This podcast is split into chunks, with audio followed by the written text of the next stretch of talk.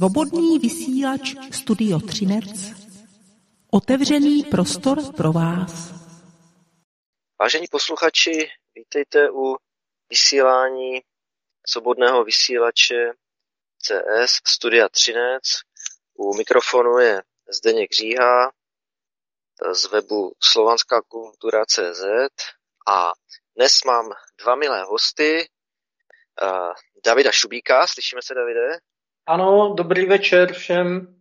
Výborně. A Kamalu Taris, slyšíme se, Kamalo? Slyšíme, hezký večer. Výborně, zvuk máme dobrý. A dnes si budeme společně povídat o knižce Vírová mánie, která nedávno vyšla. Ale než se k, té, k těm vírům vírové mánii dostaneme, já bych se zeptal dnešních hostů, jak, aby řekli něco o sobě a jak se vůbec dostali tady k té tematice víru. Eh, Davide, ty k tomu máš blízko, jestli by si začal? Tak eh, já jsem na problematiku e, víru se dostal vlastně během svých studií na sociologii v 90. letech, kdy hm, jsem psal dvě diplomky na medicínské téma a při během toho zpracovávání té druhé diplomové práce o vůbec těch limitech eh, medicíny a, a toho systému medicínského, který eh, je v té postmoderní společnosti zasazený velmi specificky, tak eh, jsem v podstatě náhodou narazil na německého vědce, virologa Štefana Lanku, který eh, zrovna v tu dobu pracoval na, na eh, článcích, které vysvětlovaly, že neexistuje virus HIV. To pro mě byla úplně šokující informace v tom roce 95, 96, protože HIV a AIDS bylo obrovské téma a mm, pro mě bylo dost nepředstavitelné, že by eh, ta eh, neschopnost té medicíny a vlastně ta, i ta, ty chyb, ten chybný koncept mohl jít až tak daleko, že vlastně neexistují ani vidová onemocnění a ani onemocnění, která předpokládá, že způsobují bakterie, takže vlastně nejsou způsobovaná vlastně těmito mikroby. Jo?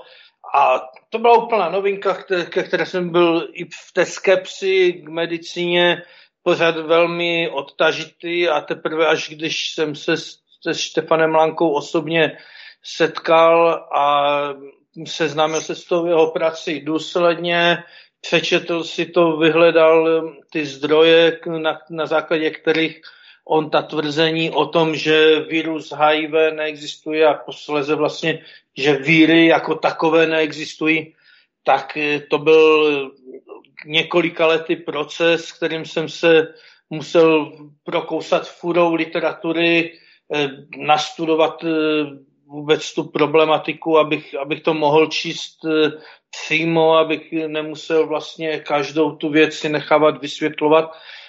A to dospělo vlastně k tomu, že v roce 2000 eh, jsem v nakladatelství Datel v Brně eh, mi vydal Radim Výrubek knižku Virus HIV lež, které uvěřil celý svět. V té době jsem ještě byl na postgraduálním studiu na mm, Masarykově univerzitě v Brně a ta, ta problematika toho HIV AIDS vlastně měla být výsledkem té mojí eh, rigorózní práce s, eh, postgraduánské, ale já jsem to studium potom eh, nedokončil a kniha vyšla eh, v podstatě komerčně. Jo? A po 22 letech se podařilo Resetu eh, tuto knihu vyprodat a za pomoci covidu, jo, že lidé vlastně po 22 letech získali teprve tu masovou, ten masový zájem se tady tím tématem zabývat.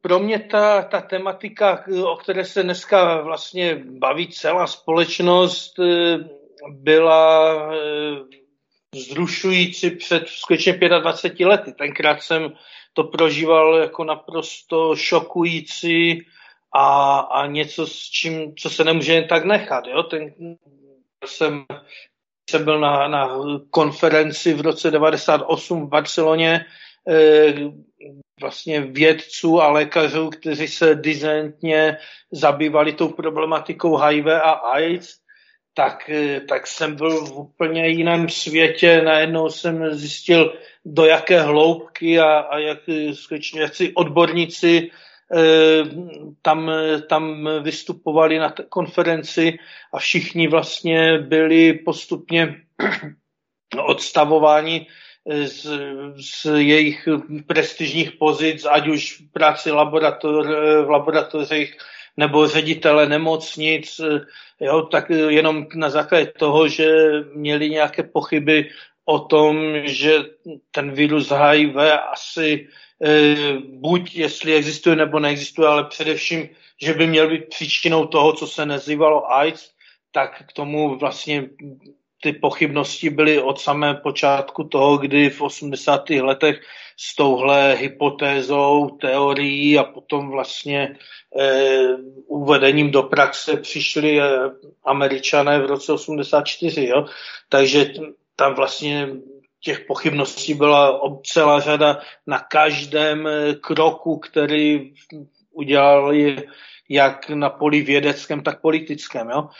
Takže já v, té, v tom roce 98 jsem byl naprosto přesvědčený, že jako občan a jako člověk to nemůžu nechat být a začal jsem vlastně jinak eh, to téma zpracovávat eh, vědecky, ale zároveň i občansky. Tenkrát mi pomohl doktor Šenigl, právník brněnský, a radil mi, jakými kroky se dá vlastně na ministerstvo tlačit. To znamená, doš, dospělo to až k tomu, že v roce, myslím, že 99, eh, jsme měli se Štefanem Lankou eh, sezení a na ministerstvu zdravotnicí s, s odborníky a s lidmi, kteří byli za politiku HIV a AIDS v České republice odpovědní. A samozřejmě to skončilo naprostým fiaskem, kdy jsme tam po sobě akorát to jako křičeli a dohodli hmm. jsme se, jsme se na ničem nedohodli. A tak eh, já jsem pak ještě nějaké roky se snažil něčeho dosáhnout, ale tenkrát jsem byl skutečně úplně sám a, a kromě toho pana doktora Šenigla eh, jsem neměl žádné spolupracovníky, který, s kterými bych na, na tom pracoval, takže vlastně až po dalších 20 letech eh, mě právě Kamala oslovila, jestli bych se nechtěl zapojit eh, do, do činnosti spolku Reseteus a tím v podstatě bych předal slovo jí, aby představila to, jak vznikl spolek Reseteus, který tady už zase dva roky e, se snaží o nějakou osvětu a změnu především e, jak na vědecké, tak e, společenské úrovni v souvislosti e, s, s tou problematikou koronaviru SARS-CoV-2 a to takzvaného COVID-19. Takže to, tolik na úvod za mě a teď to předávám Kamale.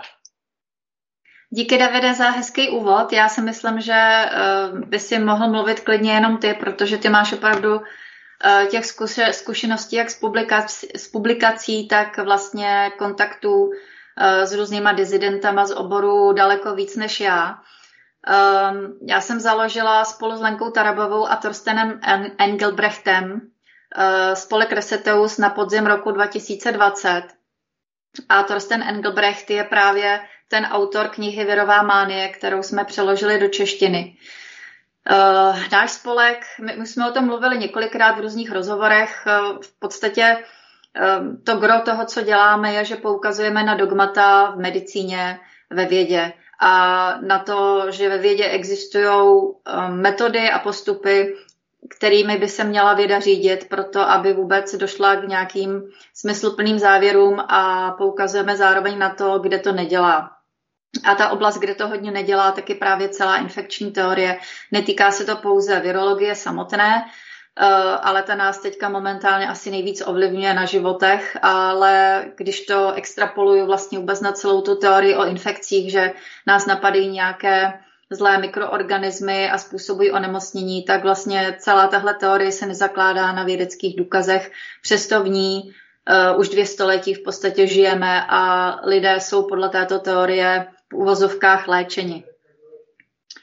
Uh, nevím, teďka tohle asi stačí k, k našemu spolku. Vlastně ta, ta činnost za poslední dobu se hlavně soustředí na edukaci lidí ohledně tohohle tématu, proto jsme i tu knihu přeložili. Uh, zatím jsme prodali nějakých 700 výtisků, takže doufáme, že Eh, se bude prodávat a že lidi o ní budou mít eh, čím dál tím větší zájem, protože vlastně eh, tam je s veškerými vědeckými odkazy vysvětleno to, na co my upozorňujeme, jak v našich článcích, tak v našich rozhovorech.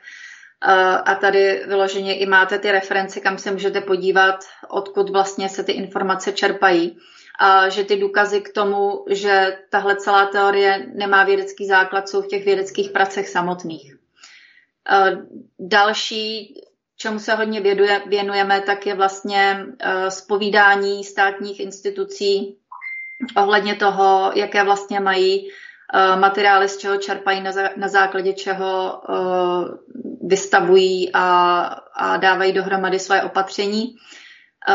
Tomu jsme se věnovali hlavně minulý rok, nastřádali jsme od nich spoustu odpovědí, některé jsou přeložené do angličtiny a jsou součástí vlastně toho ohromného množství eh, odpovědí od institucí eh, v článku Instituce po celém světě nemají důkaz o reálné existenci viru SARS-CoV-2, který dala dohromady Christine Messi. Eh, ten článek je přeložen na našem webu a neustále se rozšiřuje, protože těch odpovědí neustále přibývá. Kristýn i další lidi po světě se dále a dále ptají institucí a dostávají vlastně podobné od, odpovědi uh, typu v podstatě nemáme, nedisponujeme, nemůžeme vám doložit důkaz k tomu, na co se ptáte. A teďka v poslední době jsme se zaměřili na překlad švýcarské, nebo to už v podstatě máme, přeložili jsme švýcarskou žalobu, kterou teďka dáváme do trestního oznámení který eh, je upraven na vlastně české, do české legislativy a ohledně eh, českých mimořádných opatření a těch různých postupů, které tady byly implementovány a chceme eh, to trestní oznámení podat jako takovou manifestaci na to, co se tady za poslední dobu dělo a určitě to medializovat, protože um, je to vlastně schrnutí těch všech protiprávních kroků, eh, na kterých se účastnili všichni ministři zdravotnictví, kteří se tam vystřídali. Protože oni ty informace o tom, že eh, se tady vlastně jedná o nějaké podvodné vědecké jednání měli, byli na to upozorněni a je to všechno zdokumentováno. Nejsou to jen tak nějaké e-maily, jsou to oficiální korespondence, dokonce i přípisy soudu, takže nejvyšší správní soud má tyto materiály taky k dispozici a oni je ignorují podle nás, protože v podstatě se nedají vyvrátit. Takže jediná jejich možnost, co dělat, je ignorovat, jak jen dlouho to půjde.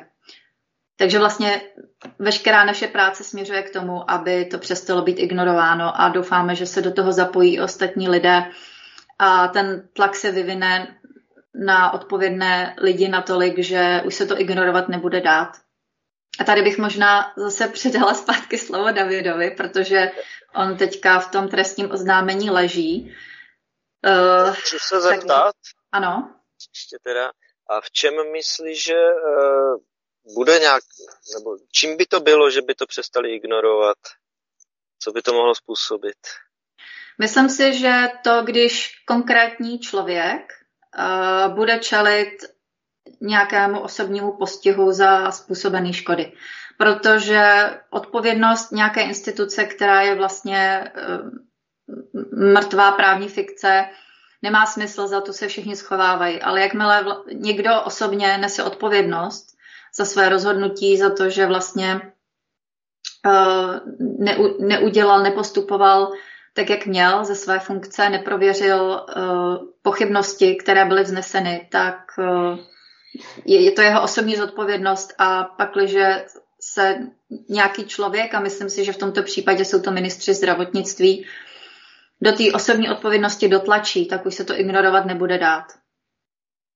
Já bych na to navázal. No, je, to, je to v podstatě skutečně tak, jak říká Kamala. E, ta, za ty dva roky se tu napáchalo těch zvěrstev hrozně moc a určitě by se dalo vybrat celá řada lidí, kteří e, jsou spolu odpovědní za to, co se tady stalo. Jo? Ale teď jde o to vlastně velmi konkrétně pojmenovat a zdokumentovat ty postupy a zdá se nám, že to je nejjednodušší u těch ministrů zdravotnictví. Ti jsou skutečně vlastním jménem, vlastní rukou podepsání pod každým tím mimořádným opatřením, které od eh, toho jara 2020 až, až do letošního jara eh, naprosto jako nehorázným způsobem zasahovali do do životu všech jedinců a zároveň společnosti jako celku, protože ovlivňovali právnické osoby, že? Vchod firem a e, i teď jenom z toho nálezu toho nejvyššího kontrolního úřadu, který se týkal e, vlastně toho, jak to ministerstvo zdravotnictví postupovalo, jo, tak vlastně z toho, z toho závěru je jasné, že, že oni postupovali naprosto chaoticky. Jo? A to se přitom ten nejvyšší kontrolní úřad zabýval v podstatě jenom tím, jestli správným způsobem aplikovali eh, postupy, které byly už před tou takzvanou pandemí připravené a jo, takže eh, oni neudělali dobře absolutně nic, vůbec nic, jo, a to, když se vlastně v tom trestním oznámení pojmenuje. A mm, teď jsem vlastně si uvědomil, že ta, ta kriminalistika skutečně v, sou, v součinnosti s tou forenzní soudní medicínou je vlastně zaměřena na to i hledat eh, ty, ty medicínské důkazy.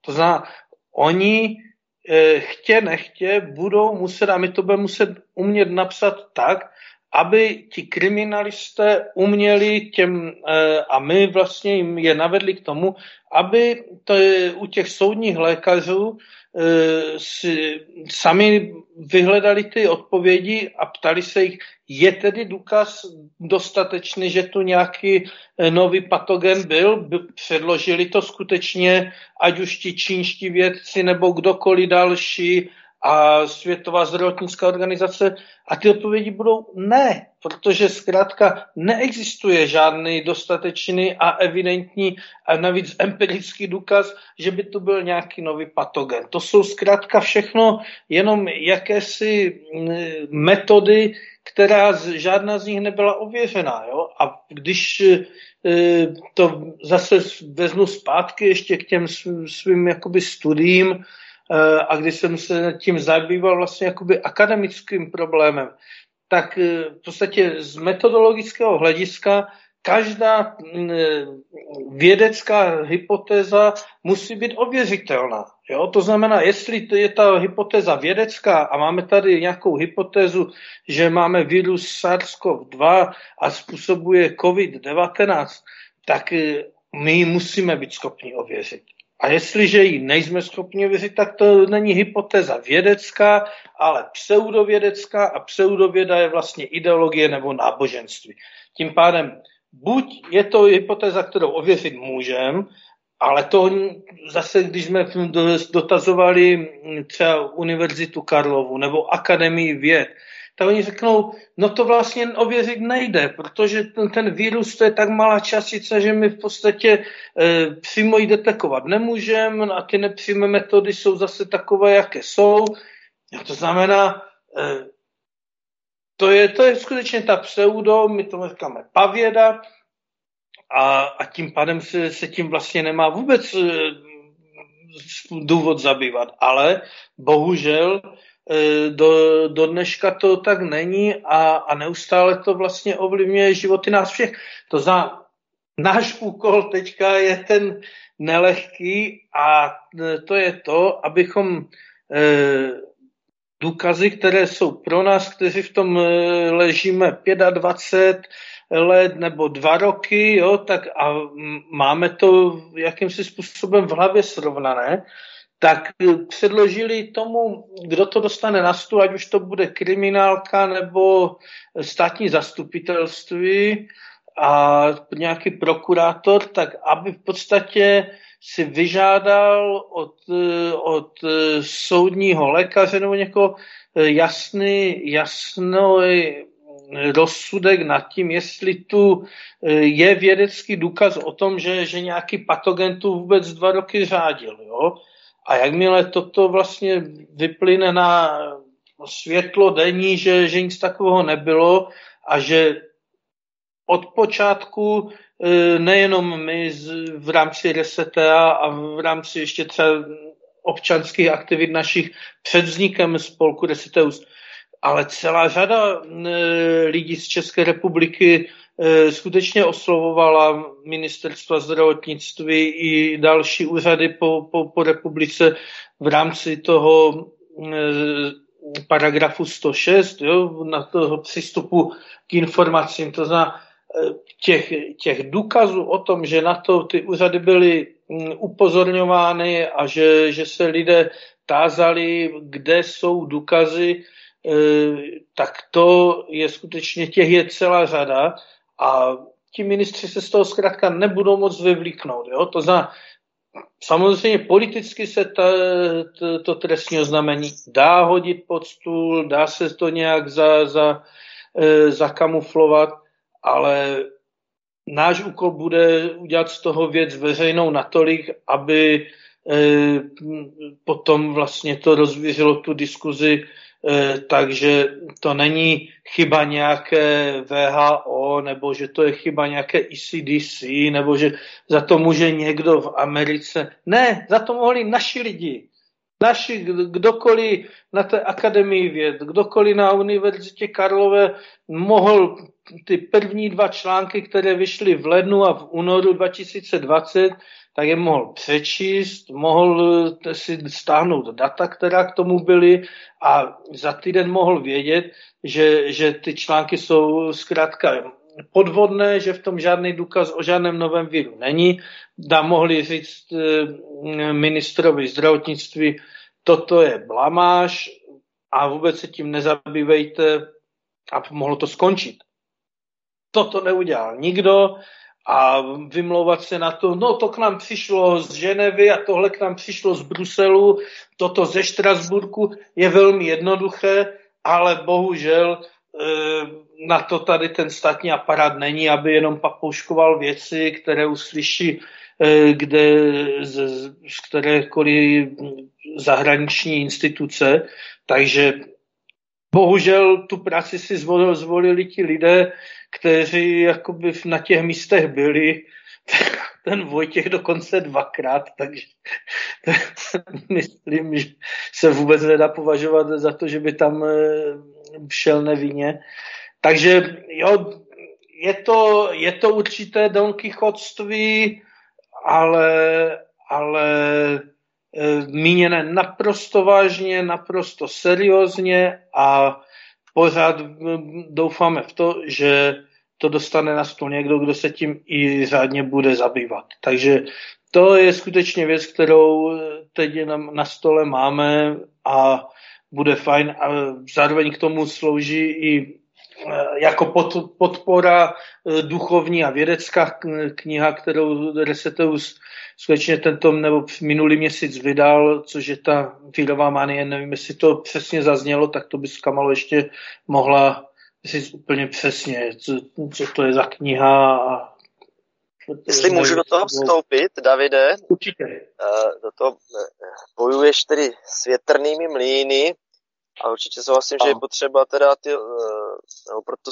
máme i rozhovor, aby se to o tom dost lidí dozvěděli, ale v základu vlastně toho, že o čem jsi mluvil, že tady, tady není nový patogen SARS-CoV-2, který nikdo nedokázal, je to tvrzení, s kterým přicházíte a s kterým přichází ta kniha Věrová mánie, tedy, že eh, víry neexistují. Já si myslím, že tohle je pro mnoho z nás takové šokující tvrzení a určitě si zaslouží vysvětlení, jak můžete tvrdit, že víry neexistují, když věci tvrdí, že existují. Kdo z vás se toho ujme? Já si toho klidně ujmu, když teďka předal David mě slovo. Eh, v podstatě, když říkáš, eh, že my něco tvrdíme, tak ono to tak úplně není pravda, protože my v podstatě, nebo ta kniha, ta věrová mánie, tak eh, ta poukazuje na to, že vlastně toto vychází z těch prací virologů samotných. Takže to tvrzení je pouze poukazování na to, že to, co virologie tvrdí, nestojí na pevných základech. To je to celé. Jestli z toho se dá vyvodit, že my tvrdíme, že viry neexistují, je to asi jako kdyby si eh, řekl, že tady existuje jednorožologie a ta už sto let vlastně tady má nějakou teorii o existenci jednorožců, který eh, se projevují tak, že máš podupanou zahradu, eh, sežraný zelí a zničenou úrodu a v podstatě pak je skupina lidí, která si projde jejich práce, na kterých oni zakládají tohle své tvrzení a poukáže na to, ale vy tam žádný jednorožce neprokazujete. Tak je otázka, jestli jsou to lidi, kteří tvrdí, že jednorožci ne, neexistují, anebo jestli jenom poukazují na to, že ta teorie má jako nedostatky. Davide, ty chceš něco říct? Já bych ještě, než si budeme bavit o tom, jaká chyba byla v které práci nebo tohle, tak je potřeba si mm, uvědomit, že e, ten virus e, jako termín se v té vědě objevil jiným způsobem, než, než se objevily termíny, s kterými ta věda funguje běžně. Jo? To znamená, když člověk našel kámen, tak ho vzal do ruky, řekl, to je kámen, jo? a pak se zkoumalo, jak ten kámen vypadá. Když potom e, našel housenku, jak to byla housenka. Když se objevila bakterie, tak eh, se řeklo, toto bude bakterie, jo. Ale najednou se zjistilo, že lidi jsou nemocní a nemají ani parazity, nemají ani kvasinky, nic. A teď se řeklo, no tak co to je?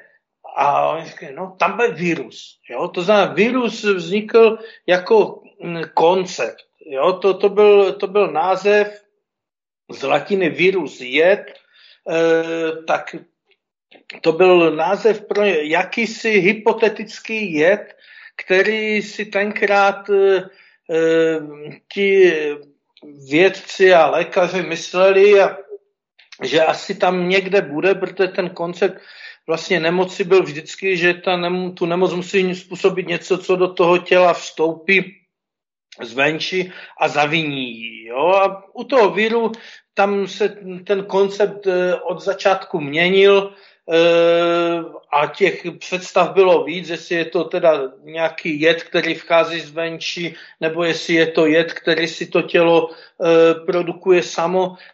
Je to jedno, ale musíme si uvědomit, že virus je termín pro něco, co eh, a vznikl v době, kdy, kdy věda neměla o tom sebe menší důkaz. Byl to koncept, který pojmenovával jev, o kterém se nic nevědělo. Jo? A to je důležité si uvědomit, že e, to nebylo tak, že by vědci měli pod mikroskopem e, nějakou kuličku jo, nebo e, něco s antenkama a já nevím, co dneska všechno ta představa lidí o tom víru je, ne, zkrátka tam bylo nic. Na začátku bylo nic a to nic se pojmenovalo virus. Jo? A, a to, to nic se, se projme, proměňovalo řadu let a, a vlastně e, neustále se ta věda snažila dokázat, že to nic je něco, ale pořád nevěděli, co, jak by to něco mělo vypadat. Jo? A o tom byly vážné debaty a, a dělali se experimenty, které vždycky skončily e, špatně, jo? i když třeba v chvíli ti, byli ti lidi odměňováni za to, na co přišli, ale později se zjistilo, že, že to nebyla pravda.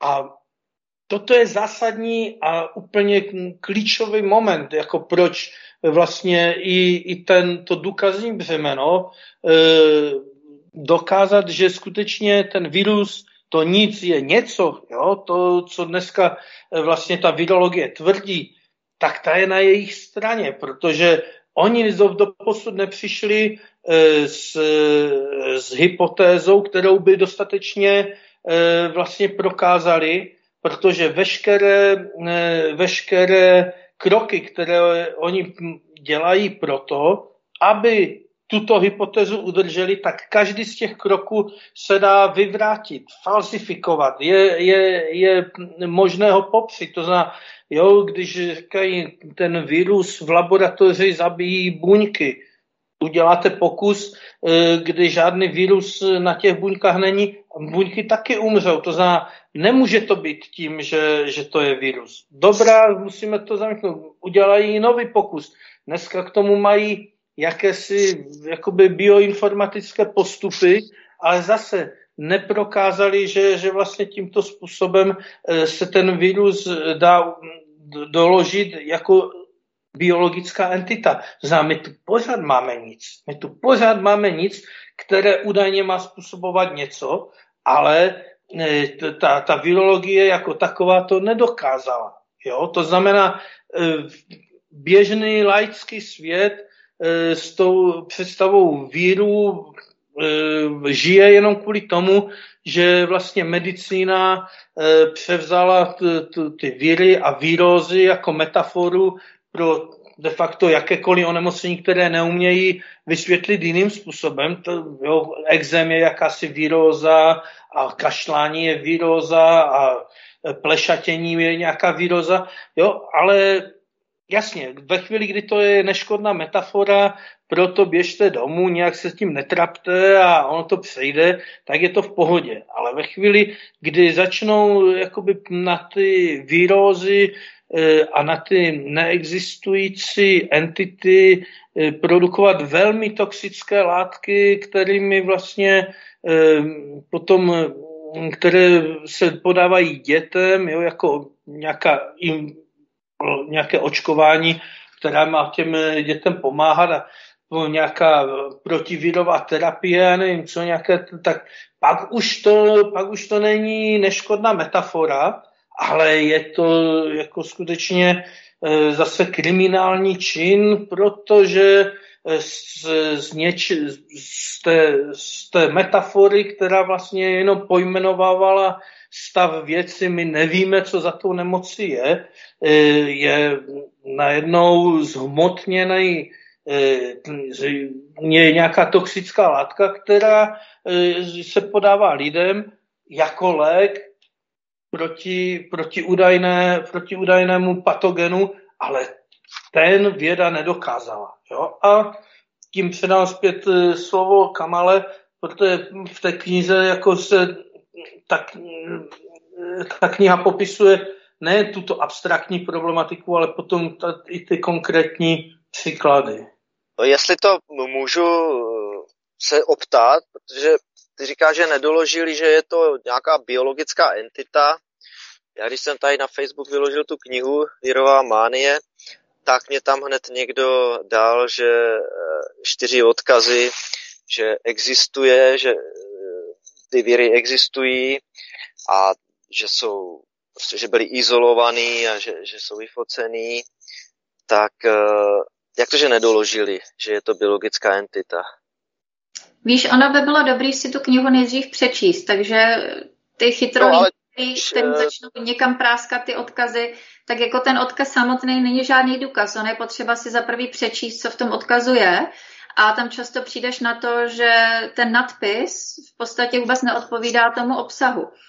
A bylo by dobrý teda konkrétně, když někdo má problém s tou knihou, tak eh, si ji teda za prvý přečíst a konkrétně vyzdvihnout ty části, které jsou špatně a proč jsou špatně, ale mít k tomu vlastně jako vědecký argument a ne ten, že prásknu k tomu vlastně nějaký odkaz, který obsahuje spoustu textu, ale vlastně nevím, jako co konkrétně teda má dokázat nebo vyvrátit. Jo? Takže my se takovýmhle argumentama vůbec nezabýváme, protože nejsou konkrétní, nejsou jako uh, zamířený na to, co chce ten člověk tím říct. A když eh, si pročteš i naše články na začátek, nebo tuhle knihu, je to jedno, odkud začneš, tak my tam vlastně popisujeme tu problematiku s tím, co to znamená, že virologové neprokázali vlastně ty svoje premisy. Je, je to ně, a já jsem uh, dělala v Rožnově pod Radhoštěm někdy před měsícem, tuším, Davide asi, že jo? Tak jsme tam měli osobní setkání s lidma a byla tam dělaná přednáška přímo, kde s prezentacema, s, se slajdama, uh, je to hodně detailně popsaný, v čem jsou ty tři základní pilíře, na kterých virologie staví uh, ty svoje v vozovkách důkazy a proč ty důkazy nejsou. Takže... Kamalo, hm. já ten dotaz stavím jako takový ďáblův advokát, aby čtenáři, kteří ještě třeba nečetli vaši knihu Virová mánie a vůbec se i za s myšlenkou, že víry neexistují, vlastně nesetkali, tak aby se něco dozvěděli. Jestli spíš jako takhle to můžeme postavit a okay. konkrét, konkrétně tedy, eh, jak říkáš, třeba napadnou ty jejich tři pilíře, nebo v čem to je, že nedoložili, že je to biologická entita. Jo, takhle jsem to myslel, tu otázku.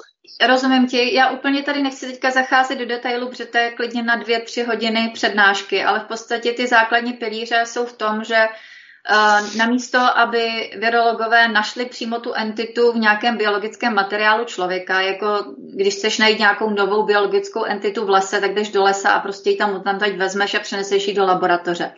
Tohle virolog neudělá, a vlastně místo toho vezme nějaký materiál z člověka a začne si s ním hrát ve zkumavkách v laboratoři a přidává tam různé jiné substance, které obsahují různý genetický materiál, k tomu začne přidávat různé chemikálie, které vlastně pozměňují to chemické složení, uh, denaturují ty bílkoviny, uh, potom to vlastně dá pod elektronový mikroskop, který zase ta příprava toho vzorku udělá strašně moc vlastně artefaktů v tom výsledném produktu, kdy ten laborant vůbec nemůže vědět to, na co se kouká, jestli v tom původním vzorku bylo nebo nebylo. Takže vlastně ten jeden z těch pilířů je takzvaná jejich izolace, kdy oni izol, za izolaci toho viru považují to, že vezmou vzorek z pacienta, smíchají ho s genetickým materiálem nejčastěji nějakým zvířecím, nějakých uh, buněk, na, který, na kterém údajně kultivují ty viry, které pouze předpokládají v tom vzorku. Přijde k tomu různé chemikálie, antibiotika, uh, fetální telecí sérum, nutriční médium a v podstatě to pasážou, což těm buňkám vůbec nedělá dobře a vlastně ty buňky začnou odumírat a pro ně to znamená, že izolovali virus. Takže v podstatě ty, kdyby si se chtěl takhle izolovat, když ti nařídí uh, Eh, krajská hygienická stanice izolaci a postupoval by si podle doktríny virologů, tak by si šel a smíchal by si se se všema ostatníma lidma, pořádně by si se nadrogoval a měl by si jako super party a to by si nazýval izolace. Jo, druhý ten pilíř, na kterým oni zakládají důkaz, že našli virus, je ten snímek z elektronového mikroskopu, což jsou prostě snímky až z té rozpadlé buněční kultury, kterou oni vlastně rozpadnou těma postupama, jak se chovají uh, k té buněční kultuře a tam, když najdou nějaké kuličky, tak udělají k tomu šipku a je to jako důkaz, že je tam ten virus, aniž by kdokoliv jako věděl, co, co je to za částici. A ten třetí pilíř je vlastně sekvenování a to jak materiálu z té buněční kultury, tak oni sekvenují vlastně i materiál přímo z člověka, který je samozřejmě heterogenní a máš tam spoustu genetického materiálu, o kterým absolutně nevíš, z čeho pochází. A oni eh, z tohohle materiálu vlastně složí genom, za pomoci různých algoritmů v počítači, které jsou předem naprogramovaný a tvrdí, že vlastně tímto dokáží složit uh, genom entity, kterou doposud nikdo nikdy neviděl a vlastně ani v jednom z těch případů, který jsem teď vyjmenovala, nemají ten referenční uh, vzorek. To znamená, že ty nemůžeš potvrdit to, na co jsi přišel, vůči referenci, což ve vědě je vlastně ten základ, že musíš to mít s čím porovnat tomu slouží ty kontrolní experimenty, to je základ vědecké metodologie, to se učí prostě v prvních ročnících na jakýkoliv vysoké škole, když děláš jakýkoliv vědecký pokusy. A ve virologii z nějakého záhadního důvodu není toto požadováno a v podstatě ty práce neobsahují popis, jak prováděl, jak prováděl ten tým kontrolní experimenty. A často, často to tam vůbec není, a když to tam je, tak je to v podstatě nedostatečný kontrolní pokus, jak my jsme si třeba vyžádali od zdravotního ústavu Ostrava. Eh, tam jsme si přes ten paragraf 106 vyžádali, aby nám doložili, jakým způsobem provádí kontrolní experimenty eh, ke své kultivaci. A to, co nám přišlo, tak bylo nedostatečné. My jsme na to podali stížnost na ministerstvo zdravotnictví, toto postoupilo státnímu zdravotnímu ústavu a již přes rok to řeší a do posud to nevyřešili. Jo, takže jestli, myslím, že takhle schrnutě by to stačilo, když někdo chce znát víc těch detailů, v čem jsou problémy v, eh, v těchto těch pilířích, tak opravdu doporučuji, puste si přednášku uh, hliněné pilíře pandemické příšery, nebo tři pilíře pandemické příšery se to jmenuje, je to na našem kanálu Odyssey a je to někdy před měsícem video z Rožnova pod Radhoštěm. Stačí ti to takhle, Zdenku, vysvětlený? tak já myslím, že se trošku pustíš třeba do toho snímku, protože to lidi jako, teď to je vyfocený ty viry, že jo, je to kulička, má to takový ty eh, Dívej, ty, u těch, jo, a, u těch no. snímků z elektronového mikroskopu je základní věc a úplně fakt e, zásadní. Ten eh, snímek z elektronového mikroskopu slouží ke dvěma věcem. Za prvé, aby doložil, že výsledkem té izolace toho viru byla, e, byla jakási vlastně monokultura jenom těch e, částic toho víru. A tu, takový snímek vlastně u žádného z, z vírů, které způsobují nemoce, neexistuje. Jo, to zkrátka Eh, aby, aby měl snímek z elektronného mikroskopu, kde bude ten vírus a jenom vírus a nic jiného než jakoby ten vírus, jo? to znamená ty kuličky, které budou mít stejný tvar a stejnou velikost, tak, eh, tak eh, jo, toto je zásadní funkce toho snímku z elektronového mikroskopu.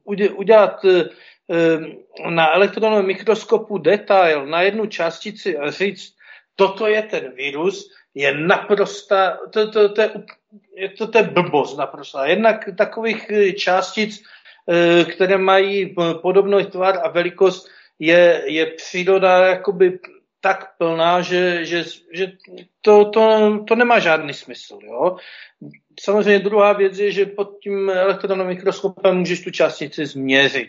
Jo? Takže to, to je tyto, dva, tyto dvě funkce že, že do, ten vědecký tým může doložit, ano, my jsme provedli izolaci eh, toho takzvaného víru, tak to je číslo jedna. Číslo dvě, ten vírus náš, který my jsme tady izolovali, má tuhle, tu, tenhle průměr.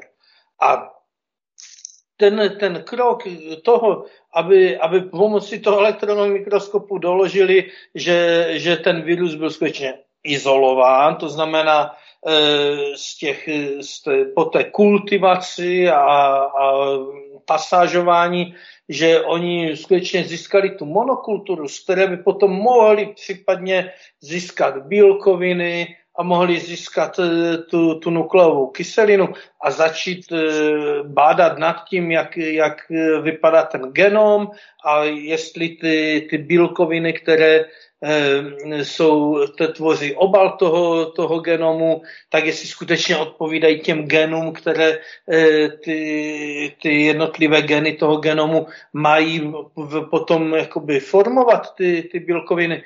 To už nikdo zase neudělal. Jo? To znamená, eh, když eh, skutečně eh, ti, a to je vlastně to, na co poukazujeme celou dobu. Ano, v každé publikaci, která píše o jakémkoliv víru, který má způsobovat onemocnění, jsou fotografie, které přesně dokládají, že ten vírus izolován nebyl protože tam v žádné z těchto publikací není vyfocená monokultura, jenom těch, vždycky je tam jakási kulička mezi většíma a to je přesně důkaz toho a sami autoři těch publikací vlastně se přiznávají, my jsme žádnou izolaci neprovedli ať se článek jmenuje jakkoliv. Může se jmenovat izolace e, víru HIV, může se jmenovat izolace víru spalniček, izolace víru SARS-CoV-2, ale nakonec tam vždycky do, dají fotku jakéhosi, jakéhosi kuličky mezi jinýma kuličkama a tím pádem je jasné, že, že žádná izolace neproběhla. Jo? A může tam být i, i v, odstavec o tom, že, že vírus údajně izolovali, ale zase, když si přečteš ten odstavec, který se jmenuje izolace víru, tak zjistíš, že nakonec popisuje jenom ty kroky to, té kultivace. A kultivace, ano, je jakýmsi způsobem e, pokládána za nezbytné e, jo, v, té, v rámci toho, to, to, to, to, toho virologické metodologie e, k tomu, aby se potom dal ten virus izolovat, ale jakýmsi způsobem po těch, od těch 50. let minulého století Eh, skutečně se z té kultivace stal ten proces izolace, což není a nemůže být. Jo? A tím pádem skutečně na, to, na tento detail není potřeba žádných rozborů, stačí otevřít jakoukoliv, jakoukoliv publikaci eh, od roku 54 až po dnešek a zjistíš, že v žádné v žádné stati, v žádné vědecké článku, který pojednává o, o vírech, které mají způsobovat nemoci, není fotografie izolovaných vírových částic. A já bych jenom chtěla ještě k tomu doplnit to, že o čem David mluví, tak je vlastně ten produkt až po té kultivaci, až po tom rozpadu těch buněčných kultur v mističkách. A i kdyby se jim podařilo tu monokulturu vlastně získat, tak by to pořád vůbec nic nevypovídalo o tom, jestli ty kuličky, ten podle nich údajný virus, byl vůbec v tom vzorku toho člověka, který přidali do té buněční kultury. To je právě to, proč my poukazujeme na to, že ta izolace musí být provedena, nebo je lepší to nazývat purifikace, prostě očištění toho údajného viru, těch kuliček od čehokoliv jiného, tak musí uh, být z toho biologického materiálu toho člověka, u kterého se předpokládá. Jinak v podstatě tam není zase vlastně jediný důkaz toho, eh, že to, co vznikne z té kultivace, tam bylo původně v tom člověku, že se to nevytvořilo prostě z té buněční kultury tím postupem. Tohle už by byl, tohle už by byl krok dva, že jo, jakmile by eh, došlo k izolaci, došlo by k analýze, jak ta částice vypadá, co v ní je, tak eh, pak se začneme bavit o tom, jestli je to produkt té kultivace, anebo jestli to skutečně byla jakási entita a zase by to byla věc na, do, na, na to, aby to ti vědci doložili. Jo, zase by to byla nová hypotéza, máme tady nějaký, nějak, nějakou entitu biologickou, můžeme ji říkat virus, a teďka jde o to, jestli ten eh, virus tam Eh, byl eh, přinesen z toho vzorku, o kterém si myslíme, že je infekční, jenomže ve chvíli, kdy stejným způsobem my můžeme dojít eh, v té laboratoři, k tomu je důležité ten, ta negativní kontrola, ten kontrolní experiment. A jestliže ten kontrolní experiment, který vlastně dojde k tomu, že se nám ty buňky rozpadnou a že z nich vyizolujeme stejné kuličky, aniž by byl jakkoliv infikován nějaký, z nějakého nemocného člověka, no tak pak vlastně se budeme zabývat tím, aha, tak, tak, tak, takové kuličky vznikají z těch buněk, které my tímhle způsobem v té laboratoři trápíme a, a můžeme z nich vyizolovat potom tady tyto. Jo, to je jedno, to, o tom můžeme vést dlouhé debaty akademické, praktické, ale tohle je, to, tohle je science fiction, ke kterému zatím e, v realitě nedošlo. Jo? Pořád nedošlo k izolaci těch virových částic. Každopádně je dobrý e, vlastně říct si ten důvod, e, který virologové a nejen virologové zmiňují, proč to nedělají přímo z člověka. A ten důvod je údajně to, že je tam těch virových částic málo. Zase, kde je ten důkaz? Jako, jak to ví? To jsou prostě teorie, které oni si vymýšlí, že ho tam, protože oni je tam nenajdou, ty částice, proto vymyslí teorie, že jich je tam málo a proto je musí údajně jako namnožit na ty buněční kultuře a to, že je namnoží, eh, tak ten důkaz, že se tam množí, je to, že se rozpadají ty, eh, ty buňky to, to je ten důkaz, jo, aby jsme si uvědomili, co je pro ně důkaz. Ne, že oni by opravdu jako eh, pomocí kontrolních experimentů přišli na to, že tam opravdu působí nějaký virus. Pro ně je důkaz to, že se rozpadnou buněční kultury a že tam na konci najdou nějaké kuličky. A teďka jsem zapomněla, co jsem chtěla říct na začátku, jo, že vlastně ten, uh, ta výmluva, proč se to nedělá přímo z nemocného člověka, že tam není toho viru dostatek. Přičemž, když se nad tím zamyslíme, tak to, co oni dělají v těch mističkách, tu kultivaci, tak je, že oni chtějí uh, na podobným médiu, na kterým se údajně ten virus množí v lidském těle, tak na podobným médiu ho namnožit mimo to lidské tělo, aby ho měli hodně. Nicméně úplně nejlepší médium podle těch teorie na množení toho viru je přece to tělo člověka samotný. A přitom, když je ten člověk nemocný a má ty symptomy, které údajně způsobuje ten virus, tak přece tam se ho musí, mno, to musí být ta nejlepší kultivace, to je to nejlepší kultivační médium, kde by toho viru a těch kuliček mělo být obrovské množství. A oni by neměli důvod, proč jako ho chtít namnožit ještě v podstatě na buňkách, který údajně nemají uh, nebo který nejsou úplně nejvhodnější pro ten virus, protože pak, když nejlíp napadá vlastně ty um, buňky plicní člověka, tak jak, jakýkoliv jiný médium buněčný nebude tak vhodný a musí ho napodobit nějakým způsobem a to prostředí už není přirozený. Takže vlastně jako zase, když se na to podíváme, tak ta logika těho, tohohle tvrzení je vymyšlená. Oni to prostě cucají uh, si z prstu a je to jenom proto, že oni v podstatě jako nemůžou doložit ten důkaz, že ty kuličky, ten virus se vyskytují reálně v tom člověku, který údajně ten virus má a je nemocný. Proto dělají všechny tyhle ty zástupní kroky, aby k němu nějakým způsobem dospěli. A nevždy k němu dospějou, ne všechny ty experimenty vlastně ty kuličky vyprodukují.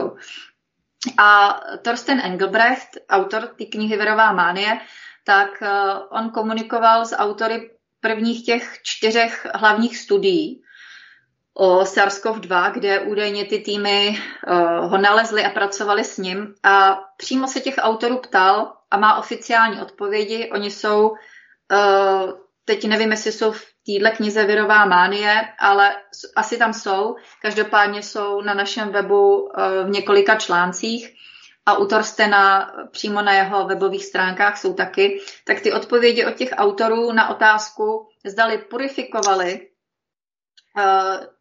částice předtím, než udělali ty snímky z elektronového mikroskopu, na kterých údajně těma šipkama dokazují, že je to virus SARS-CoV-2, tak zdali jsou ty snímky purifikovaný a nakolik, tak vlastně všichni mu odpověděli, že nepurifikovali a že je to jenom sediment. Jo, takže tohle to je zdokumentovaný, to nejsou naše tvrzení, to jsou jejich vlastní tvrzení. Proto když nám někdo říká, vy tvrdíte, že SARS-CoV-2 nebyl doložený, že e, neexistuje. Ne, my to netvrdíme, to tvrdí oni sami. My jenom v podstatě jinými slovy lidem komunikujeme to, co v těch jejich pracích je trošku nesrozumitelným jazykem řečeno, tak my to říkáme takhle jednoduše srozumitelně. A já teďka možná by jsem, jestli dovolíš, přečetla, e, tady jsou čtyři předmluvy v té knize. A jedna z těch předmluv je od e, bývalého... jestli, jestli ano? dovolíš, eh, eh, dejme si teďko přestávku, Dobře. Pustíme si písničku a potom pojďme dovnitř do té knihy. Tak myslím, že když přečteš ty ukázky, že to bude nejlepší vstup. Tak Pepo, pust nám prosím písničku. Tak dejme si, teďka to Pepa jako eh, stopne a my si můžeme zajít na záchod, přátelé. Okay. A pak pokračovat dál. Mhm, dobře. Jede to. Vážení posluchači, hlásíme se po písničce opět ve studiu Třinec. U mikrofonu je Zdeněk Říha z webu Slovanská kultura.cz a s našimi hosty Davidem Šubíkem a Tamou Taris si povídáme o knižce Věrová mánie, kterou můžete sehnat i na jejich webu resetheus.org nebo také na slovanská kultura.cz a my teďka půjdeme do té knihy a než nám Kamala přečte něco z knížky, tak bych ji poprosil, aby nám řekla něco i o autorech, kteří tuto obsáhlou knihu napsali. Kamalo, prosím. Tak eh, děkuji za upozornění, kde se kniha prodává. I u nás, i u tebe. To je důležité vědět.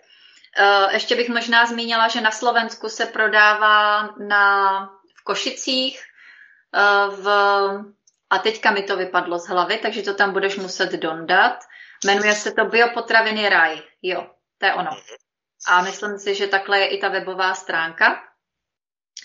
A jak už jsem teda zmiňovala jednoho autora několikrát, tak, nebo hlavně je to hlavní autor té knihy, tak to je Thorsten Engelbrecht. A já tady přečtu, eh, co je o těch autorech napsáno, než aby jsem to nějak reprodukovala sama. Takže Thorsten je držitel novinářského ocenění, pracuje jako žurnalista v Hamburgu, své novinářské vzdělání získal v renomovaném odborném časopise Message a působil jako redaktor v deníku Financial Times Deutschland. Jako nezávislý žurnalista psal pro média jako of Guardian, Süddeutsche Zeitung, NZZ, Geo Saison, Rubicon, Greenpeace Magazine a The Ecologist. V roce 2010 mu byla vydána kniha Budoucnost lékařství pro léčbu rakoviny. Jeho webová stránka je torstenengelbrecht.com. Eh, druhým spolupracujícím autorem, který je taky dlouhodobým Torstenovým přítelem, je doktor Klaus Kenlein. Je lékařem specializovaným v oblasti vnitřního lékařství. Svou odbornou praxi absolvoval na onkologickém oddělení univerzity v Kielu. Od roku 1993 působí ve vlastní soukromé lékařské praxi, kde léčí také pacienty se žloutenkou typu C a AIDS, kteří se staví kriticky k antivirové léčbě. Klaus Kenlein je jedním z nejzkušenějších odborníků na světě v oblasti údajných virových epidemí. a e, vlastně k tomu aktualizovanému vydání, které nese vlastně to celé koronavirové šílenství, jako takový update toho, e, toho nového vydání, tak byly e, k tomu přidáni dva další autoři, jež se spolu podíleli na updateu, jak se řekne český update, na aktualizaci vlastně i těch ostatních témat, ale hlavně toho koronavirového šílenství, a to je doktorka Samantha Baileyová. Ta je výzkumnou lékařskou, která se zajímá speciálně o nové druhy testů a léčby nemocí. Žije na Novém Zélandu, kde provozuje největší YouTube kanál věnovaný zdraví.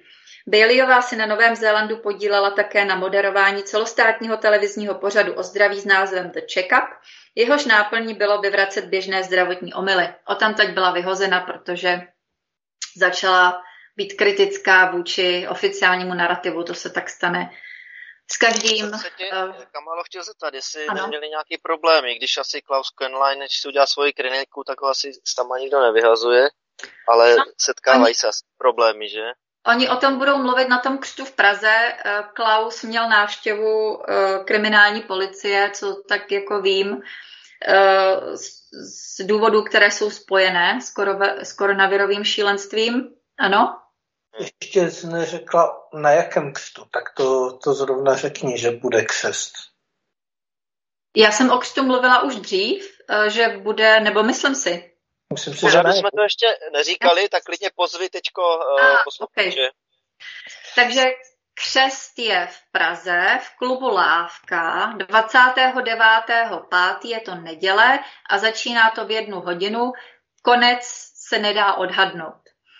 Uh, takže kdokoliv budete v Praze nebo chcete přijet, udělat si hezký víkend, tak pořád je ještě kapacita. Klub Lávka je tak trošku na, nafukovací.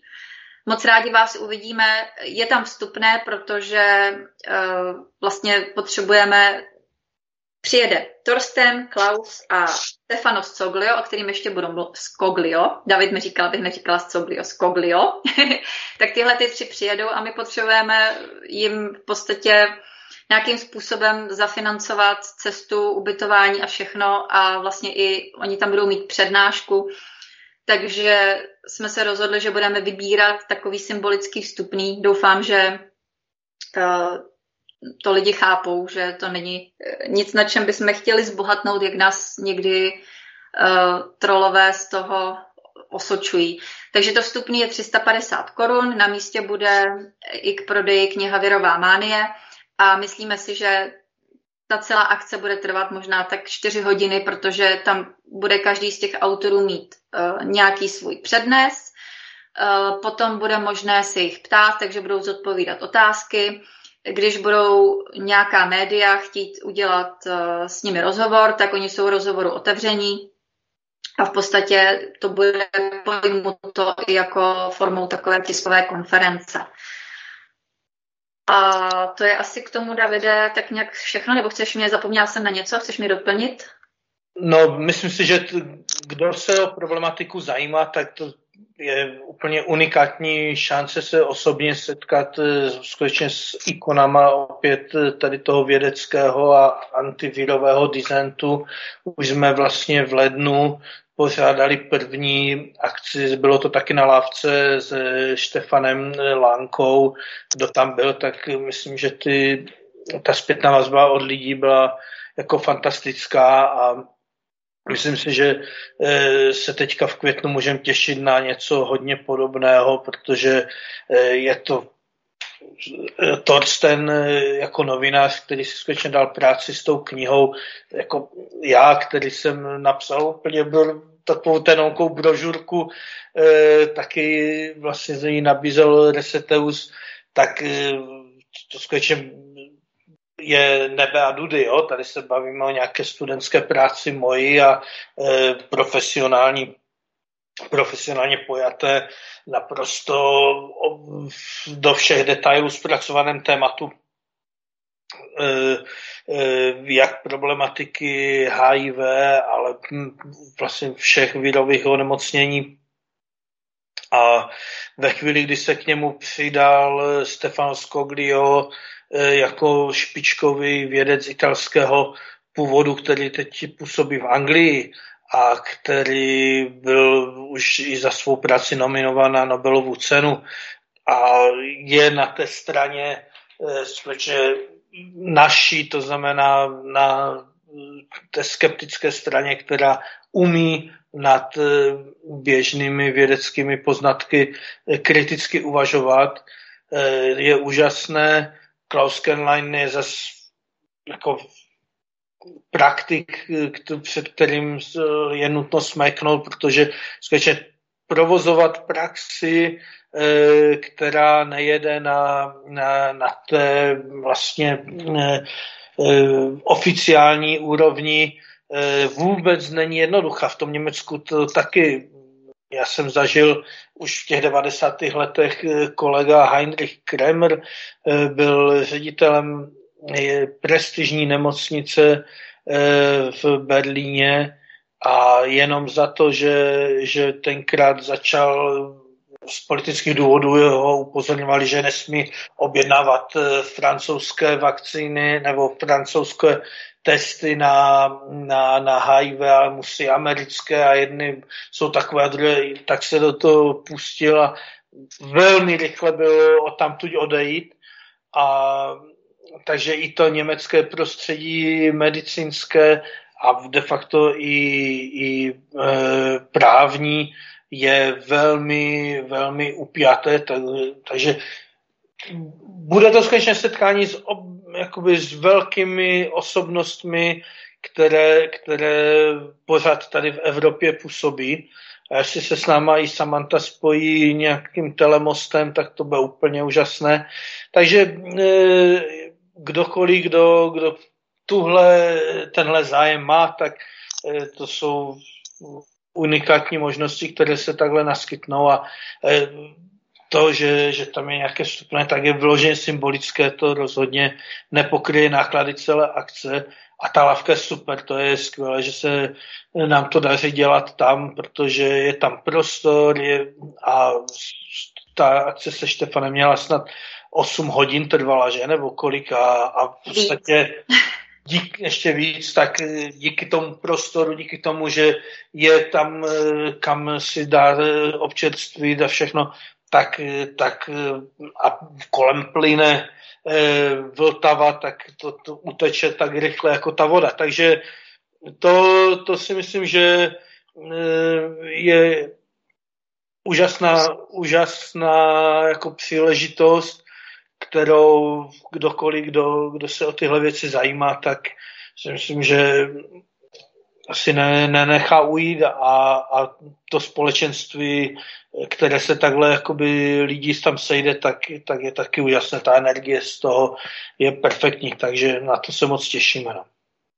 Díky, že jste takhle... Jako dostaveníčko, dobré, promiň Kamalo, jako krásné dostaveníčko, které eh, skeptici a lidi, řekněme, kritického myšlení, taky se, taky se těším. A eh, Kamalo, ty si slibovala, že by si teda uh, vypíchla z knihy něco. Vypíchnu, já jenom ještě navážu trošičku na Davida, díky, že jsi to takhle hezky doplnil. My jsme vlastně tam rozsekli ty autory, jsme do toho vstoupili jinýma tématama, ale ty si vlastně teďka tam doplnil i Stefana Skoglia, řekl si o něm to nejpodstatnější.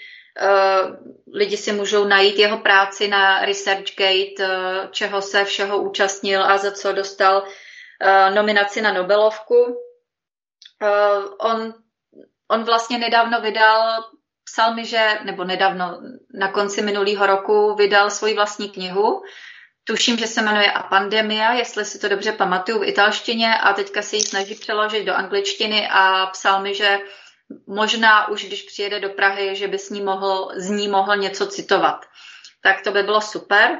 A jinak eh, Samantha, protože tam je hodně velký časový rozdíl a uh, ono to bude, kdy mají v Austrálii zrovna noc, tak uh, já ji úplně nechci obtěžovat, proto jsem jí požádala, aby nám natočila uh, vlastně ten, ten svůj proslov předem a já už to mám, takže tam to vlastně promítneme a jde o to, Ona tam popisuje, jak se vůbec k té knize dostala, jak jí změnil život to, že začala být skeptická, jak se vlastně zde nektal eh, na ty nějaké postihy, jestli ty autoři měli, tak vlastně o tom budou mluvit všichni, protože všichni nějaké postihy měli. A přesto se, eh, přesto je to neodradilo. Takže tolik k tomu křtu.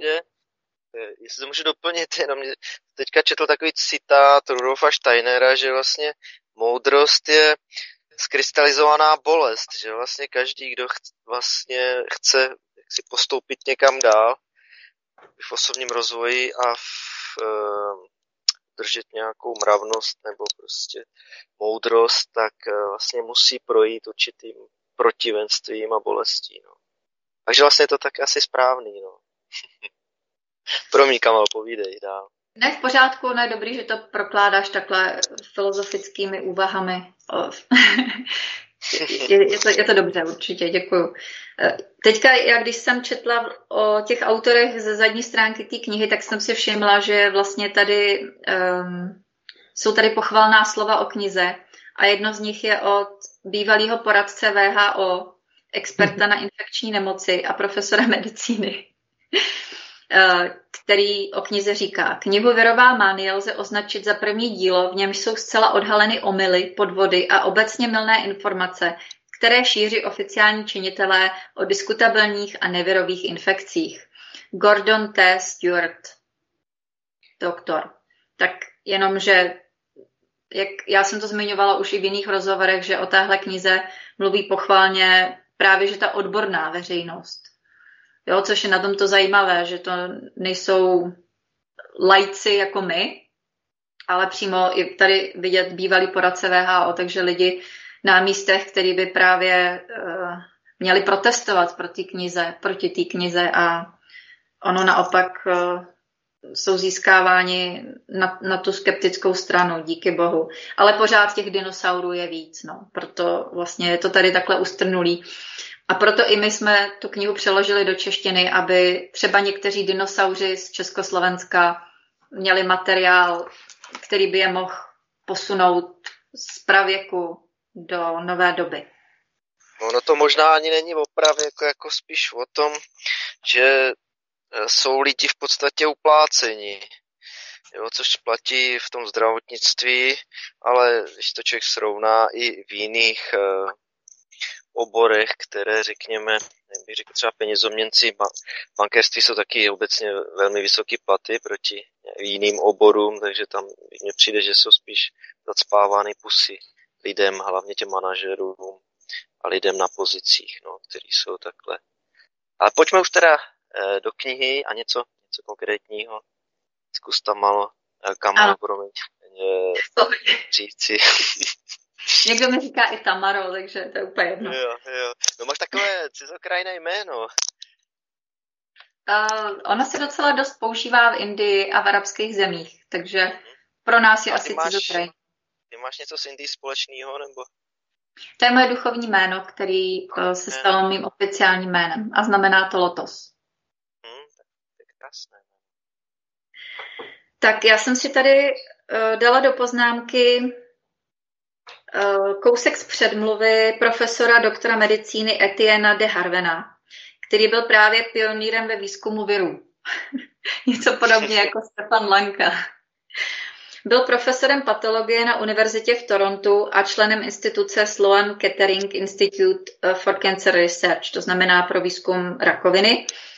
Uh, a potom byl prezidentem společnosti Rethinking AIDS. Zemřel v roce 2019 ve věku 92 let. Tak a ten úryvek je, to, co zažíváme, nejsou virové epidemie, ale epidemie vytváření strachu. A obojí, jak média, tak farmaceutický průmysl, podstatnou měrou tento strach podněcují.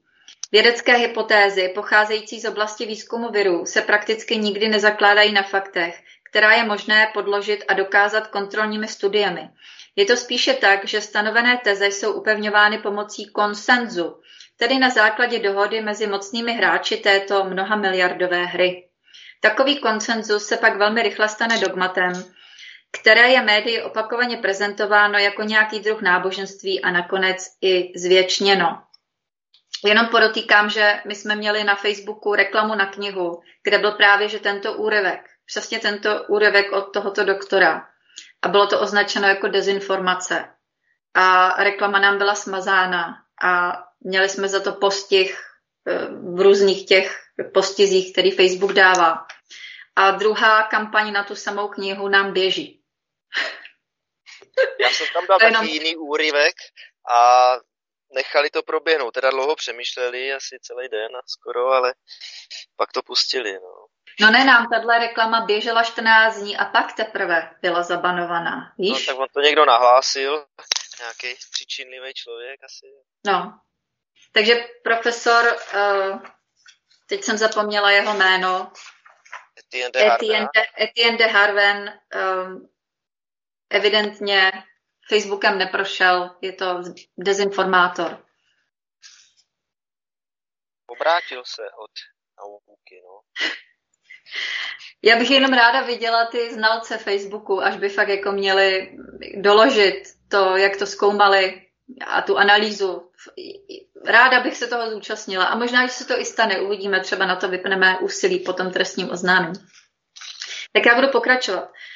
Prosazovány a financovány jsou pouze výzkumné projekty, které podporují úřadující dogma, zatímco studie, které by mohly dokázat platnost alternativních hypotéz, jsou důsledně vylučovány.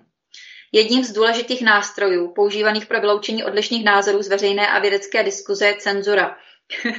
a sice na různých úrovních. V masmédiích i odborných publikacích. Tak to neví pan Etienne, když už zemřel, že byl cenzurován na Facebooku. Příliš jsme se z předešlých zkušeností nepoučili. Stále existuje mnoho nezodpovězených otázek, například co způsobilo takzvanou epidemii španělské chřipky v roce 1918. O tom je celá kapitola 7 této knihy. Nebo epidemie dětské obrny po druhé světové válce. Proč dětská obrna není virové onemocnění? O tom pojednává kapitola 2 této knihy. Pasteur a Koch navrhli koncem 19. století určitý model pohledu na infekce – ale to bylo mnohem dřív, než byly objeveny první viry. Přenést principy týkající se bakteriálních infekcí na viry bylo sice velmi lákavé, ale jak tato kniha ukazuje, tak ani podle přístupu současné ortodoxní vědy není takový postup přípustný. A už vůbec nemělo k takovému přenosu dojít bez současného zohlednění mnohých rizikových faktorů, které souvisejí s otráveným životním prostředím, toxicitou léků a drog anebo nedostatečnou výživou. Takže tolik úryvek eh, z jeho předmluvy. A potom ještě jsem si tady založila úryvek o antibiotikách a bakteriích, protože vlastně, jak už jsem říkala dříve, Celá infekční teorie nemá reálný základ, nejenom virologie. Takže cituji ze strany 47, kapitola Lékařská věda zprostředkovává o mikroorganismech zkreslený obraz. Ale což pak nepomohla antibiotika spoustě lidí a nezachránila jim život? To bez pochyby ano. Ale nejprve je důležité zmínit, že první pacient byl antibiotikem ošetřen teprve 12. února 1941, což znamená, že antibiotika nemohou mít souvislost s prodloužením průměrné délky života v průmyslově rozvinutých zemích, která se začala zvyšovat v polovině 19. století, tedy téměř o sto let dříve. Nehledě na to, že jejich podáváním je zároveň usmrcována i velká část života, jak ostatně prozrazuje sám pojem pocházející z řeštině proti životu. A mezi tím i neštětné bakterie, které jsou pro život důležité. V samotných USA je v současnosti podáváno zcela zbytečně mnoho desítek milionů antibiotik, což má závažné důsledky, protože antibiotika se podílejí na téměř pětině z celkového počtu více než 100 000 případů úmrtí ročně způsobených nežádoucími účinky léků. Pak jsem si tu založila kapitol, je to ta samá kapitola, ale vlastně pojednává to o neštovicích, což by mohlo hodně lidí zajímat, protože se momentálně uh, šíří panika z toho, že sem jisté skupiny lidí přinášejí neštovice, což uh, po přečtení téhle knihy by člověk si mohl sám sobě to zažité dogma že je to infekční onemocnění, které se šíří člověka na člověka z té hlavy smazat konečně. Že je to způsobováno úplně jinými um, objektivními příčinami. Takže cituji z kapitoly.